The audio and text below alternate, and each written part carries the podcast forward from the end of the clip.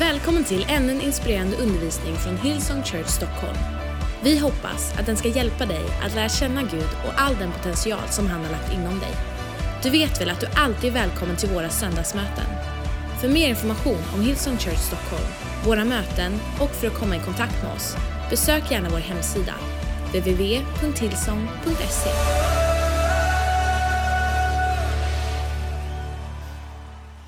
All right, öppna din bibel om du har med den till Efesierbrevet kapitel 1. Vers 11 kommer läsa från The Message. Den kanske du inte har med dig så då kan du kolla på skärmarna. Jag har under några söndagar predikat ett budskap som eh, handlar om, som heter Take Me to Church. Och anledningen till att vi har gjort det är att jag verkligen fick i mitt hjärta att, gå tillbaka. Och jag vet att vår kyrka växer så fort och en del av er har varit med ända sedan vi startade, ungefär 10-15 av er. Och en del av er har kommit under åren. Väldigt många av er har varit med mindre än 12 månader i vår kyrka. Och jag vill så gärna att du ska förstå vad vår kyrka är. Att du ska känna dig hemma i den, att du ska känna att det här är din kyrka. Och för att någonting ska kunna bli ditt så måste du förstå vad det är för att kunna omfamna. Så därför har jag predikat något som heter Take Me to Church. Vi har pratat om de sista två veckorna om olika saker och förra söndagen så talade jag om vad enhet är och hur vi samlas, varför vi samlas och, och vad vår kyrka bygger på. Det lyssna på podcasten. Om du inte har hört de sista två söndag förmiddagspredikningarna. Jag skulle sällan jag pushar min egen podcast, men nu ska jag göra det. Nummer ett, jag tycker själv att jag har predikat bättre de sista två veckorna än jag kanske har gjort någonsin i vår kyrka. Jag, jag, I'm sorry, men jag måste säga det.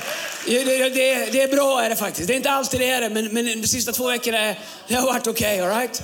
Jag skulle också vilja säga att det kanske är två av de mest viktiga predikningar jag har predikat i vår kyrka. Och om vi kunde få alla i vår kyrka att lyssna på de två, det skulle ge oss en gemensam grund liksom att ta sats ifrån när vi förstår vad vi är en del utav. Okej, okay, idag är sista delen. Idag kommer bli lite annorlunda. Jag kommer inte prata så mycket om hur vi är och vad och varför, utan jag skulle vilja prata lite mer om den spirit som definierar vår kyrka.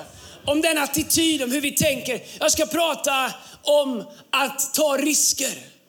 Jag ska prata om att leva i tro. Vi är en kyrka som lever i och av tro. Vi vill säga att inget är omöjligt för den som tror. Vi har aldrig varit en kyrka som har liksom behövt både flytväst och flytkuddar och armkuddar och badmössa och vax i öronen och simglasögon och fenor och någon som håller oss i för att våga gå i vattnet. Vi är en kyrka som startade med omöjliga odds och som har bestämt oss för att ta oss an omöjliga odds. Därför att Bibeln säger att större är han som är i oss än han som är i den här världen. Bibeln säger att samma ande som uppväckte Kristus från de döda är mäktigt verksam i oss. Det vore en sak om den bara existerar i oss. Men samma ande som på påsksöndagen fick stenen att börja flytta sig och Jesus Kristus att återuppstå. Den anden som återvände in i Jesus Kristus bor i dig. Inte bara bor i dig, den är verksam i dig. Hör du känner, mig, så känns det inte. Well, så är det. Och du kan välja att börja samarbeta med den kraften. Hade det inte varit för den kraften, för den heliga Andes kraft, så hade vår kyrka aldrig funkat. Vi är en humla. Det här borde inte gå. En humla borde inte kunna flyga. Det här borde inte kunna gå. Vi är läxan! Det borde inte vara möjligt, men det är det. För några månader sedan låg vi sist i Allsvenskan. För några dagar sedan så vann vi kvalserien. Nu vann vi igår mot Tingsryd i en bäst av tre match för att få kvala till SHL mot Modo. Det borde inte vara möjligt, men vi vet, på samma sätt som varenda spelare där uppe vet att allt är möjligt för den som tror. När Djurgården spelade också igår. Jag tror de förlorade med 5-2 eller 6-2. De har ett stort lag, det borde gå, ändå går det inte. Vi är Leksand, det borde inte gå, ändå går det. Jag ser en del djurgårdare här, ni ser lite arga på mig ut. Hej! I kyrkan så vet jag att ni förväntar er att höra sanningen när ni kommer hit. Jag säger bara, att, jag säger bara resultaten som de är. Okej, okay, om du har öppnat din bibel till första, eller till första Efesierbrevet eh, så har du kommit rätt för det finns bara ett. Har du fler så måste du köpa en ny bibel ute i vår bokshop där ute. Efesierbrevet 11, förlåt, Efesierbrevet 11 finns inte heller, men Efesierbrevet 1 finns. Vers 11. It's in Christ that we find out who we are. and what we're living for. Long before we first heard of Christ and got our hopes up, He had His eyes on us, had, plan, had designs on us for glorious living, part of the overall purpose. He is working out in everything and everyone. Men jag älskar det bibelordet. Vilket fantastiskt bibelord det är. It's in Christ we find out who we are. Det är i Kristus du upptäcker vem du är. Jag lyssnade på min podcast, jag tänkte jag ska börja med att inte skrika så mycket. Jag ska börja lugnt, jag ska prata med dem först och, och innan jag, men nu är jag där igen. Jag är, det är svårt när man är exalterad eh, och, och, och, och tycker att man har, det finns för mycket bra att säga och för lite tid. Vi har för få möten i vår kyrka, det är helt klart. Men det är i Kristus som vi upptäcker vilka vi är. Det är inte på en hitta dig själv-kurs på en kursgård i Dalarna med människor med powerkläder och liksom en suspekt rök som liksom flyger i luften. Där. Det är inte där du upptäcker vem du är. Det är inte när du gör liksom en profilbild, en jobbansökan, ett personlighetstest. Det är inte ens där du upptäcker vem du är, även om de kan ha sina fördelar. Jag har aldrig gjort någon för jag är rädd för vad som skulle bli resultatet. Bibeln säger att det är i Kristus vi upptäcker vilka vi är. Varför är det i Kristus vi upptäcker vilka vi är? Därför att det är han som är skaparen av vilka vi är. Om jag vill veta hur min Mac-dator funkar, som utav någon anledning har fullt på startskivan fast hälften av minnet är ledigt, så ringer jag inte till någon Windows-operatör. För det första är kön alldeles för lång tid, för alla som har Windows de har alltid problem. PC.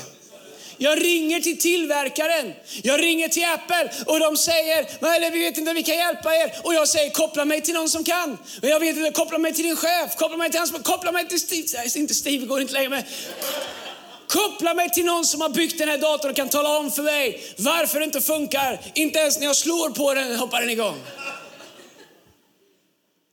Om du vill veta meningen med ditt liv så måste du gå till han som har designat dig. Och Bibeln säger att long before we first heard of Christ and got our hopes up, he had his eyes on us.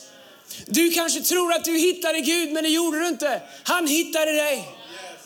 Långt innan du hittade honom så hittade han dig. Och så står det att vad såg han när han tittade på oss? He had his eyes on us, had designs on us for almost living. For glorious living. Att Kristus har en design för dig för glorious living. Jag älskar det ordet. Det är en av de orden jag saknar mest i svenskan. Det och awesome och, och något annat. Great. Great på svenska. Grymt. Det är liksom inte så Glorious! Glorious living. Vem vill inte ha glorious living?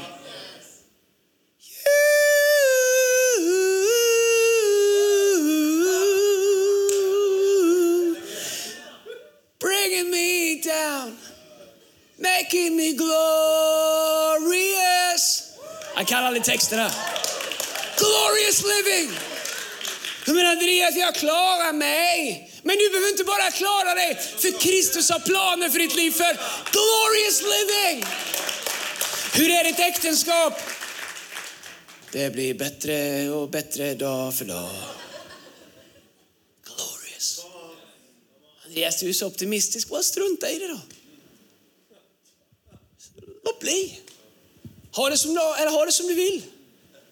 Men det finns ifrån Kristus ett löfte om att han designade dig för ett glorious living, för ett glorious, att han har planer för ditt liv. Han säger så mycket högre än himlen är från jorden, så mycket är hans, större är hans tankar än vad dina tankar är. Hur mycket du än vill för dig själv så vill Gud mer. När vi bejakar det, så var upptäcker vi det här glorious living. It's in Christ we find out who we are and what we're living for. Det är i Kristus. Det är därför när du är i vår kyrka, ni pratar så mycket om Jesus. Well, om du tar bort det så finns ingenting. Jag vet att det, är super, att det kan vara populärt i kyrkor att säga, om vi bara skalar ner alla trösklar. Vi pratar inte så mycket om Jesus. Vi kan nämna Gud, han är kärlek, fader och allt med. Han är skön och allmänhet god djur. Han hjälper. Och, men vi tar bort det med Jesus och omvändelse måste döpas. Och vi tar bort det. Vet du vad som hände om jag var en sån? Jag skulle råna dig på möjligheten till glorious living. Därför att det är in Christ, i Kristus. Jesus säger, jag är vägen, jag är sanningen, jag är livet. Ingen kommer till Fadern utan mig. Fadern har skapat dig för glorious living. Jesus är vägen in i ditt glorious living. Det spelar ingen roll hur modernt eller omodernt det är. Det finns bara en väg. Men det bästa är att det finns en väg för dig till glorious living. Men jag älskar att se människors liv växa. Det är en stor skillnad på att existera och på att leva. Jag hade den enormt stora äran att i veckan som var få förrätta begravningen för Anders Svärd.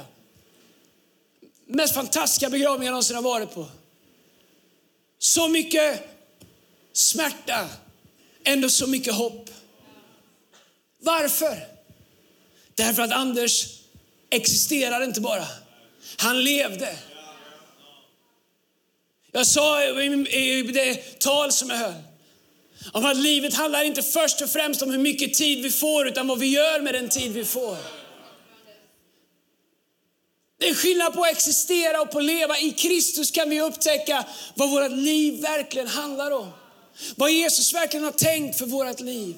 Vad planen verkligen är för vårt liv. Gud har en specifik plan. Gud har en specifik tanke. Faktum är att det, Gud har en specifik tanke med att du är med i Hillsong.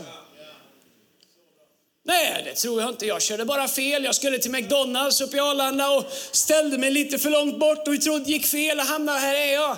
Well, jag är övertygad om att för den som älskar Herren samverkar alltid det bästa. Om du är här så är det för att Gud har en plan för att använda dig här.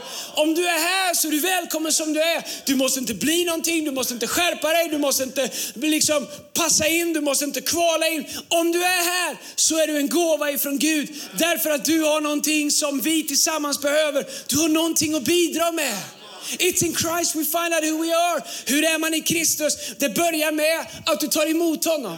Säg Jesus, jag vill att du ska vara Herre i mitt liv. Jag vill att du kommer in i mitt liv. Jag tror på dig. Jag förstår inte allting med dig. Jag har frågor. Men medan jag får svar på mina frågor Jesus så vill jag följa dig.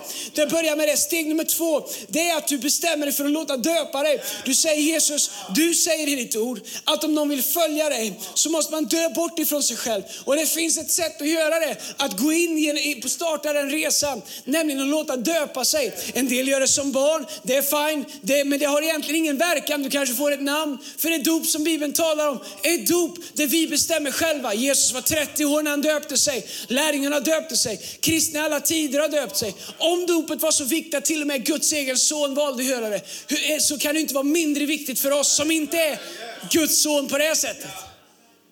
Det som händer när du döper, Bibeln säger att allt det gamla lämnas. Något nytt uppstår. Det är som att du liksom, jag vet inte om du har åkt båt någon gång, men här i Stockholm så finns det slussar. Man åker in på en nivå, sen, sen stänger man dörrarna, sen slussas du upp till en högre nivå. När du döper dig så är det som att du slussas bort ifrån den här gamla livet som du har och få del och upptäcka vad är meningen med mitt liv? Det är Kristus. Varför döper man sig? Man döper sig till Kristus, till det nya livet i Kristus. Nu säger jag, men jag gillar inte den vägen och jag har all respekt för det, men det finns ingen annan väg. Well, det tycker jag. Well, hela idén med det här är att det handlar inte om vad vi tycker, utan det handlar om vad Guds ord säger. Jag säger det med all respekt och inte dömande. Vägen in i allt vad Gud är, gå genom allt vad Gud har sagt. När du döper dig så får du kasta av dig ryggsäcken från det förflutna. Du kan ta dig an det här nya livet i Kristus utan att behöva släpa på allt som har varit. It's in Christ we find out who we are. Amen. Om vi ska våga leva det livet som Kristus har designat för oss så måste vi våga kliva ut i tro. Vi måste våga liksom äh, leva i tro och inte liksom, eller som vi sa när jag växte upp, fega pojkar får aldrig kyssa vackra flickor. Du kan inte stå med ryggen mot väggen hela dansen och hoppas på att få dansa med nu låter det som jag är hundra år gammal. Vi tar en annan liknelse. Om du vill ha någonting som ingen annan har haft så måste vi vara beredda att göra något som ingen annan har gjort. Vi är en kyrka. Jag älskar när pastor Brian ställer sig upp och deklarerar för det här året att det här är ett år med new roads and new rivers. Vad betyder det? Att vi är beredda att gå på vägar där vi aldrig har gått tidigare. Well, Andreas, det, det känns väl bra som det är. Det vore en superenkelt för oss som kyrka att säga att vi har mer att förlora än vad vi har att vinna. Det är bättre vi konsoliderar lite grann. Och jag kan tala om för er att vi är inte en kyrka som någonsin konsoliderar.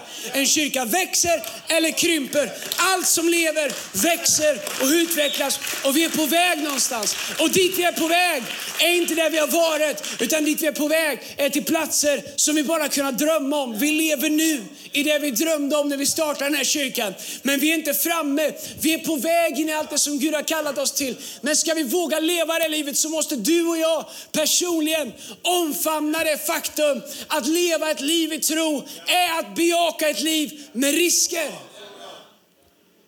Med risker. Vågar säga Gud jag är beredd att ta en risk. Jag är beredd att lita på dig. Vet du att vår hjärna fattar 35 000 beslut varje dag? En del lite mindre, men en snitt. Snittet ligger på 35 000. Det kan slå från 5-6 upp till kanske 40 000, jag vet inte. 35 000 beslut fattar din hjärna varje dag.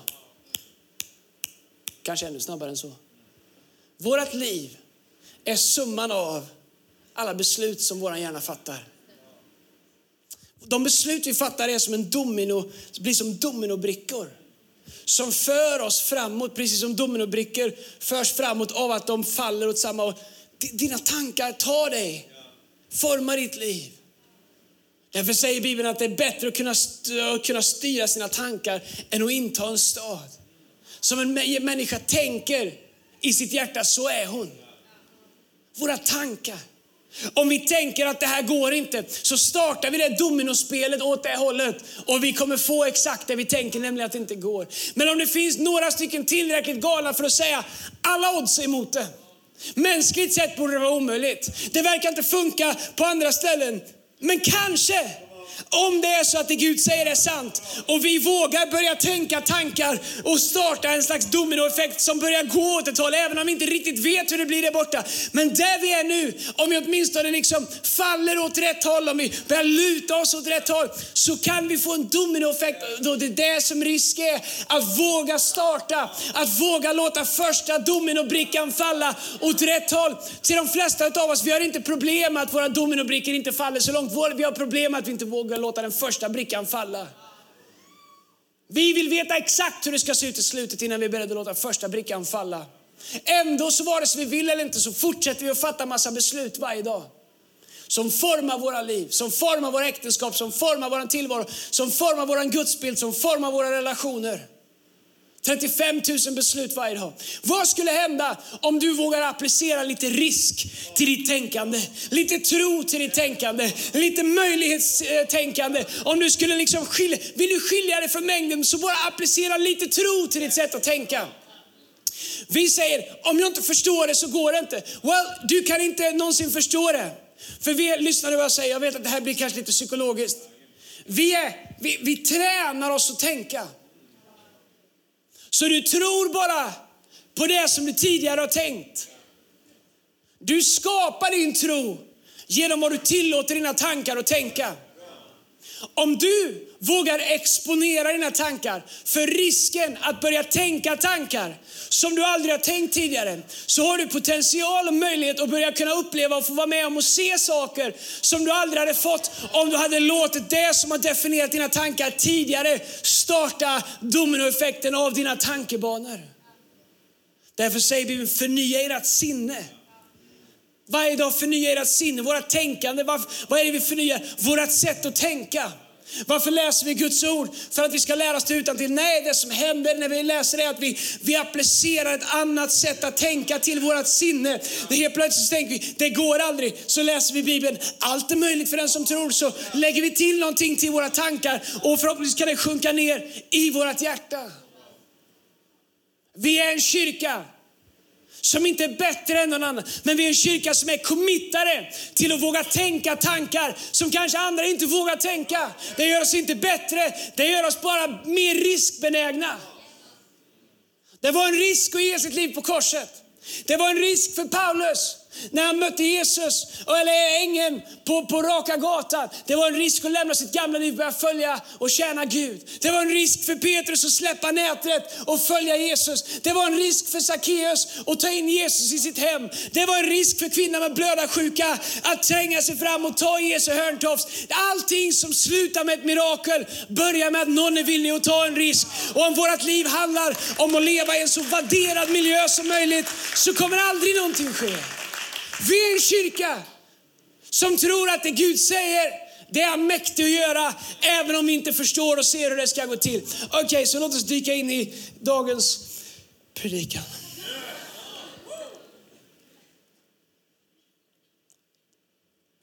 Följer du bara med dina tankar? Eller låter du Gud forma din framtid? Kolla här i psalm 39, vers 5 så står det så här. Herre hjälp mig att inse hur kort min tid på jorden är. Låt mig förstå att jag bara är här ett ögonblick. Engelska översättningen säger det så här. Indeed you have made my days as handbreadth and my age is nothing before you. Certainly every man at his, at his best state is but vapor. Sela. Det betyder pausa och tänk på det. Författaren skriver att våra dagar är som ånga. Är du inte glad att du kom idag? Om du inte hade det jobbet innan så kan jag hjälpa dig. Man inser det. När man ser människor gå hem till Gud tidigare än vad vi önskar.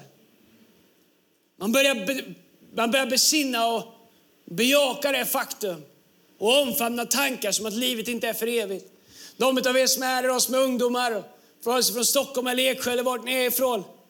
När man är 16, 17, 18 år så är det omöjligt ibland att tänka liksom att livet har en bortre parentes. Jag kommer ihåg när jag var 15 och tänkte 30 år så gammal är jag, forever! Pang sa det så var man där. Det bästa med mig är när jag nådde 35 så började jag gå bakåt igen. Jag är snart nere på 20. Men ibland så lever vi våra liv som vi hade all tid i världen. Som om att det inte är viktigt att fatta viktiga beslut. Hade jag fått gå tillbaka och göra om saker i mitt liv så hade jag fattat viktigare beslut mycket tidigare i livet. Jag hade fattat större beslut om vad mitt liv skulle handla om. Jag hade omfamnat värdet av vad ett liv är och vad man kan åstadkomma i en livsstil och startat det jag gör nu långt mycket tidigare. Men jag har ingen regret. Därför att jag vet att det spelar ingen roll hur det har varit. Det enda som är viktigt är att jag är i hans vilja idag. Men jag inser exakt vad författaren säger, att våra liv är så många. Vi tänker, jag ska bara göra det, jag ska bara göra det, jag ska bara göra det. Så säger vi våra liv. Här idag, kanske borta imorgon. När ska du låta Gud få vara så stor i ditt liv att omgivningen säger, hur är det ens möjligt? Nej, det ska jag göra sen, jag ska bara... Jag ska... När ska du göra det där som Gud har lagt i ditt hjärta? Ja, men jag måste, först måste jag göra klart högstadiet, sen måste jag gå gymnasiet, sen måste jag läsa eh, något annat tills jag kommer på vad jag vill bli, sen ska jag plugga det, sen ska jag bara gifta mig, sen ska jag bara få barn, sen ska jag bara jobba, sen ska jag bara... När ska du göra det du drömmer om? När ska du låta Gud få göra i ditt liv det Gud har deponerat i ditt inre? När ska du upptäcka meningen med ditt liv? När ska omvärlden bli välsignad av det som Gud har lagt i ditt liv. För att människor i den här världen ska få se hans godhet. Det är det författaren säger. Våra dagar är så många. Här idag, borta i morgon, på ett annat ställe säger att våra dagar är som gräset. Här idag växer upp, vissnar och dör. Men medan vi lever så kan vi välja att leva våra liv så att våra liv har en mening. Men jag tittar på människor som gör någonting med sitt liv och jag blir inspirerad. Pastor Brian Houston var här för några veckor sedan och predikade och jag var tillsammans med honom i LA för några dagar sedan, förra veckan eller vad det var. Och vi sitter ner och pratar om framtiden. Han är 62 år och jag tänker, han har mer vision för framtiden av sitt liv än vad jag har. Han har längre planer, han har större saker. Här sitter jag, 35 plus och liksom Okej, 40. Några av er borde verkligen inte skratta. Era 60-taggare. Här sitter jag och tänk, kan man verkligen tänka så stort? Men jag vill att för varje år som går i mitt liv ska jag våga tänka större, våga ta större risker, våga sträcka mig längre. Jag vet att vi har en campus i norra, men varför kan vi inte ha en campus i söder? Varför kan vi inte starta i fler städer i Sverige? Varför kan vi inte göra saker som ingen annan har gjort? Varför kan vi inte köpa in bussar och att det går en buss från varenda förort med söndagsskolebarn till våra campusar? Varför kan vi inte köpa in en stor lastbil, göra om den till en portabel klinik så vi kan åka ut till hemlösa, åka ut till fattiga, till flyktingar, till tiggare och ge dem fotvård, läkarvård, synhjälp, tandvård. Varför finns det begränsningar för vad vi skulle kunna göra? Det finns inga begränsningar. Bara i de 35 000 tankarna som tänks i våra huvuden varje dag. Därför att Bibeln säger att Gud är obegränsslös. Det finns ingen början, det finns ingen slut. Det är inte så att vi kommer till Gud med en sån stor tanke eller så stor bön så Gud får hålla citronen för att inte ramla av. För att vi ber så stort. Jag kan tänka mig att han sitter där och tänker, när ska någon fråga mig efter något stort? När ska någon be mig efter någonting som är stort? När får jag dela på hav igen? När får jag göra mirakler igen? När kan jag få döda saker och leva upp igen? När ska någon be mig om stora saker? Vi är en kyrka som inte försöker leva så riskfritt som möjligt. Vi är en kyrka som är kallare inte att gå i gamla stigar, utan att trampa upp nya stigar. Därför att den som går i andras fotspår kommer aldrig någonsin komma först. Bejaka den risk som det är att följa Gud. Ibland lever vi som vi alltid i världen. Men jag känner vad det gäller vår kyrka. Jag känner att om jag får vara så lite andlig. Jag känner att det finns en... Eh, det finns ett, eh, eh, ett påt, en påtryckning från den helige Ande. Om att vi måste bli redo snabbare. Jag har egentligen inte riktigt tid att prata om det. Men vi jobbar väldigt, väldigt hårt just nu. Jag är så tacksam för Sunday class. Jag hörde att det var en jättebra uppslutning i norra. Vi har Sunday class här kvart i fyra i eftermiddag. Vi jobbar med att få bättre ordning i våra connect-grupper, träna nya ledare, strukturera nya team, bygga om och förbereda för en, för en tillväxtboom i norra. Vi investerar pengar i, vi letar efter nya lokaler, the central. Varför gör vi det? Därför att jag känner att det finns en urgency ifrån Gud, det finns en, en bråttomhet ifrån Gud att göra oss redo. Därför att vi håller på och ber stora böner och när Gud svarar på bön så måste det finnas någonstans att göra av det. Och jag vet att det finns massa fantastiska människor i våran kyrka som kanske inte är så aktiva. En- För en del så kanske är att du inte hinner just nu i livet, det är fine. En del kanske tror att de behöver väl inte mig. Well, vi behöver dig. En del tror, men jag är inte så redo, jag är inte så helgad, jag är inte så färdig, jag är inte så kristen, jag är inte så helig. Well, strunt i det. Om du inte är det så passar du in jättebra, då kan du jobba med mig, för vi är nog ganska lika du och jag. Är du riktigt illa med dig kan du få jobba med Erik Liljero.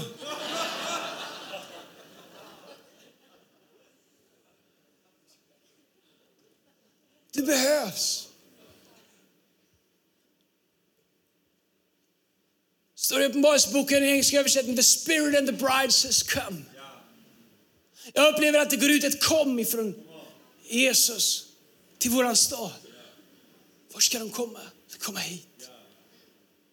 Men Andreas, ska vi inte liksom bara lugna oss lite här nu? Ska vi inte konsolidera? Det är ett fint ord för att, ta, för att liksom bli lat. Ska vi inte stabilisera oss lite här? Well, hur många ska gå förlorade medan vi konsoliderar? Det vi gör att vi flyttar ut våra tältpluggar. Det vi gör är att vi skapar mer rum. Det vi gör är att vi bygger nya vingläglar. Det vi gör är att vi bygger större lador så att vi kan få plats med mer skörd. Det är det vi gör. Vi konsoliderar inte, vi expanderar. Ja, vi använder vishet. Ja, vi har bra parametrar. Ja, vi har bra ledarskap i vår kyrka. Ja, vi har bestämt oss för att krypa innan vi går. Men vet du vad? Det finns en bråttomhet där det inte alltid spelar roll om allting är exakt 100% perfekt. Därför att människors liv är som ånga och ångan tar slut varje dag för människor. Och vi kan inte stå här liksom och, och låtsas att vi inte vet om att livet går under för människor. Vi är här för att göra en skillnad. Vi är här för att ta risker. Vi är här för att göra saker som ingen annan har gjort. Jag längtar efter när tidningarna skriver, kan en kyrka verkligen göra så? Får verkligen sådana människor komma till kyrkan? Ska en kyrka verkligen vara i de här sammanhangen? Jag älskar när vi får skäll därför att vi är syndarnas vän. Därför att vi har smuts på våra händer. Därför att vi är, det kanske man inte tror, vi är ingen helig liten klubb som sitter i ett hörn och tycker att vi är bättre än andra människor. Vi är bara samma skrot och korn som alla andra som har fått uppleva hans nåd och inser att vi har en skyldighet och ett ansvar att ge vidare som gåva det vi har fått som gåva. Vi är Petrus. Vi är de som går ut på vattnet, tar ett par kallsupar bara för att få hålla Jesus i handen. Vi är inte de som sitter i båten och driver liksom ett, en tankesmedja här. Om det är möjligt att gå på vatten eller inte. Vi märker väl om vi sjunker. Men jag upptäckte att när vi går på det faktum att Jesus kallar oss, så även när vi sjunker så är han där. Om hjärtat är rätt så kan Gud leda oss rätt. Det finns människor i din närhet som skulle behöva att det fanns plats i ditt liv. När jag tänker på påsksöndagen om två veckor här inne på Stora Cirkus.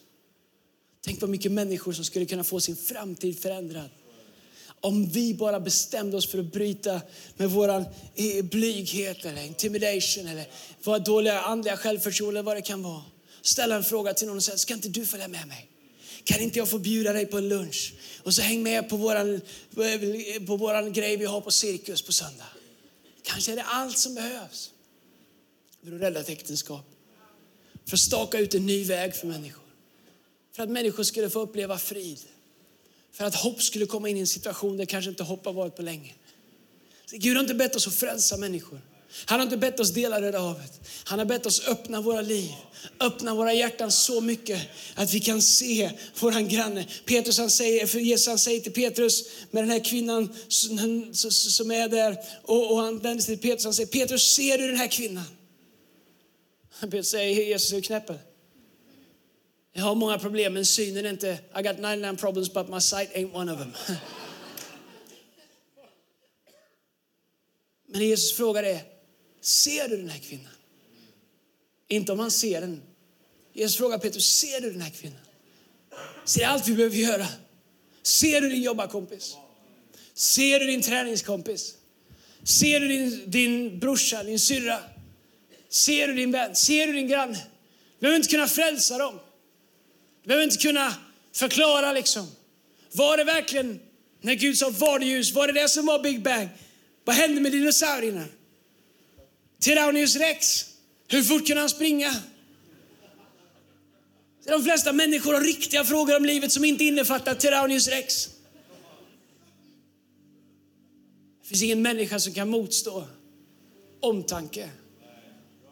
Kärlek utan baktankar. Petrus Johannes kommer till det som kallas för sköna porten en dag. Sitter en lam man där.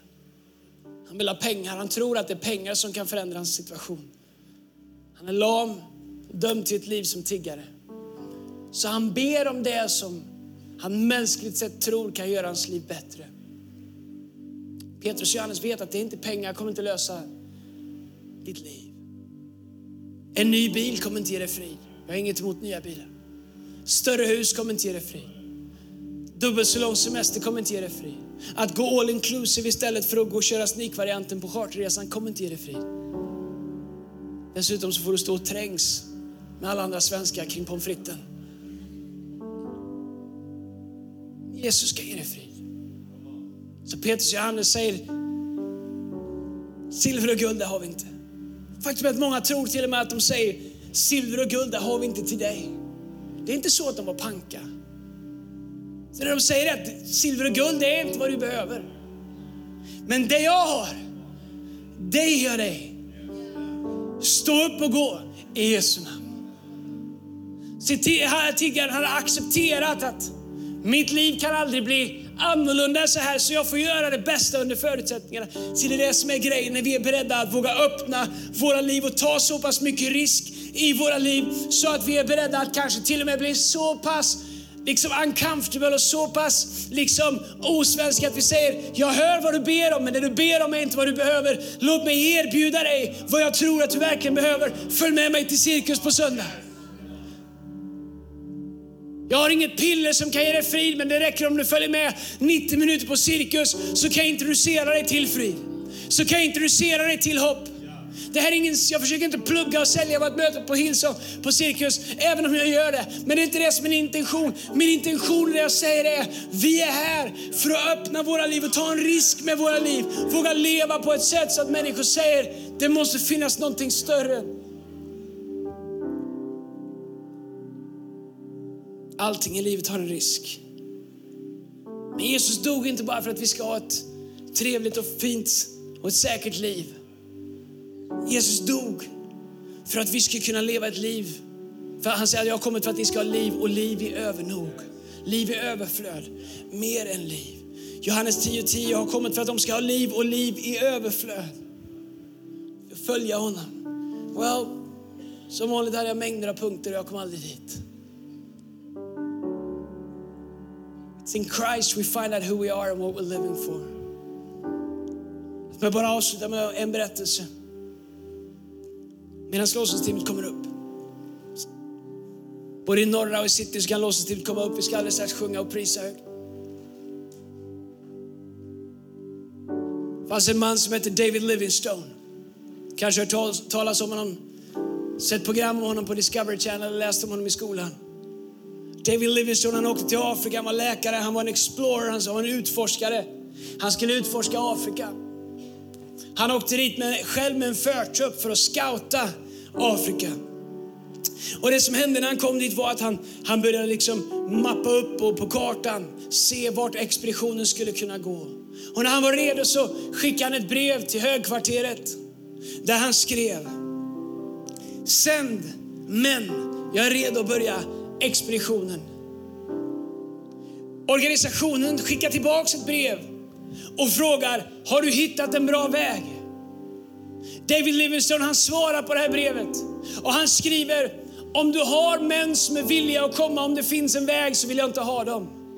Jag vill bara ha dem som är villiga att komma om det inte finns en väg. Han visste vad som skulle krävas för att utforska Afrika. Inte ett gäng med män som ville komma om det fanns en fin väg, om det fanns liksom en rastplats överallt. Och ibland så känner jag att våra kristna liv är lite grann så, Jesus jag följer dig gärna om det finns en bra väg. Om, du, om jag kan lita på att jag har lite Starbucks överallt det är. Om jag kan lita på att mina pensionspoäng växer som de ska. Om jag kan lita på liksom att du välsignar mig 30, 60, 100 fall. Men vet du vad? Att följa Jesus är att förneka sig själv utan villkor. Bibeln säger, Jesus säger om någon vill följa mig måste han ta på sitt kors och varje dag förneka sig själv. Vi ställer inga villkor. Jesus säger, vill du följa mig så följ mig även när det inte finns en väg. Så följ mig även när det inte verkar logiskt. Så tänk mina tankar även när de inte är den här världens tankar. För vi vill säga att om vi följer honom då kommer han leda oss på rätta vägar för sitt namns skull. Och om vi än vandrar i dödsskuggans dal så behöver vi inte frukta någonting ont. Därför att hans käpp och hans stav tröstar oss och leder oss. Han säger, jag vet vilka tankar jag har för er. Om det bara fanns 10, 20, 30, 50 människor i vår kyrka som säger, vet du vad? Jag vill leva resten av mitt liv med risk. Jag är trött på att bara leva i en vadderad miljö där allting ska vara så kontrollerat och perfekt. Jesus, ta mitt liv. Ta mig ut på djupa vatten. Ta mig ut jag aldrig har varit tidigare. Jesus, låt mig gå på vägar som jag inte trodde var möjligt. Jesus, använd mitt liv på ett sätt som inte borde kunna gå. Jesus, kompensera för allting i mitt liv som jag jag saknar. Jesus, jag vill leva ett liv där jag upptäcker vem jag är i dig. Därför att det är in Christ we find out who we are and what we're living for. I Jesu namn, det är kallelsen för dig. Det är kallelsen för vår kyrka. Dit vi är på väg, inte dit vi har varit. Dit vi är på väg med Hillsong Church, är inte vad någon annan kyrka har gjort. Vi är inte bättre än någon annan. Vi är bara på en resa mot någonting där ingen annan har gått. Vi är inte framme, vi är inte färdiga, vi är inte det här är inte liksom, this is not it. Vi har bara börjat. Stockholm ska få veta att Jesus älskar dem. Stockholm ska få veta att det finns hopp i Kristus Jesus. Människor ska få veta att Gud är på deras sida. De som har fallit ska få veta att det finns en hand att ta tag i som kan lyfta dem upp och sätta deras fötter på en klippa. De fattiga ska bli mindre, de sjuka ska bli färre, de hopplösa ska bli färre. Det ska märkas i våran stad att det finns en kyrka som har upptäckt vilka de är i Kristus, som vill följa honom, som vill leva för honom. I Jesu namn, come on let's sing together och prisa högt.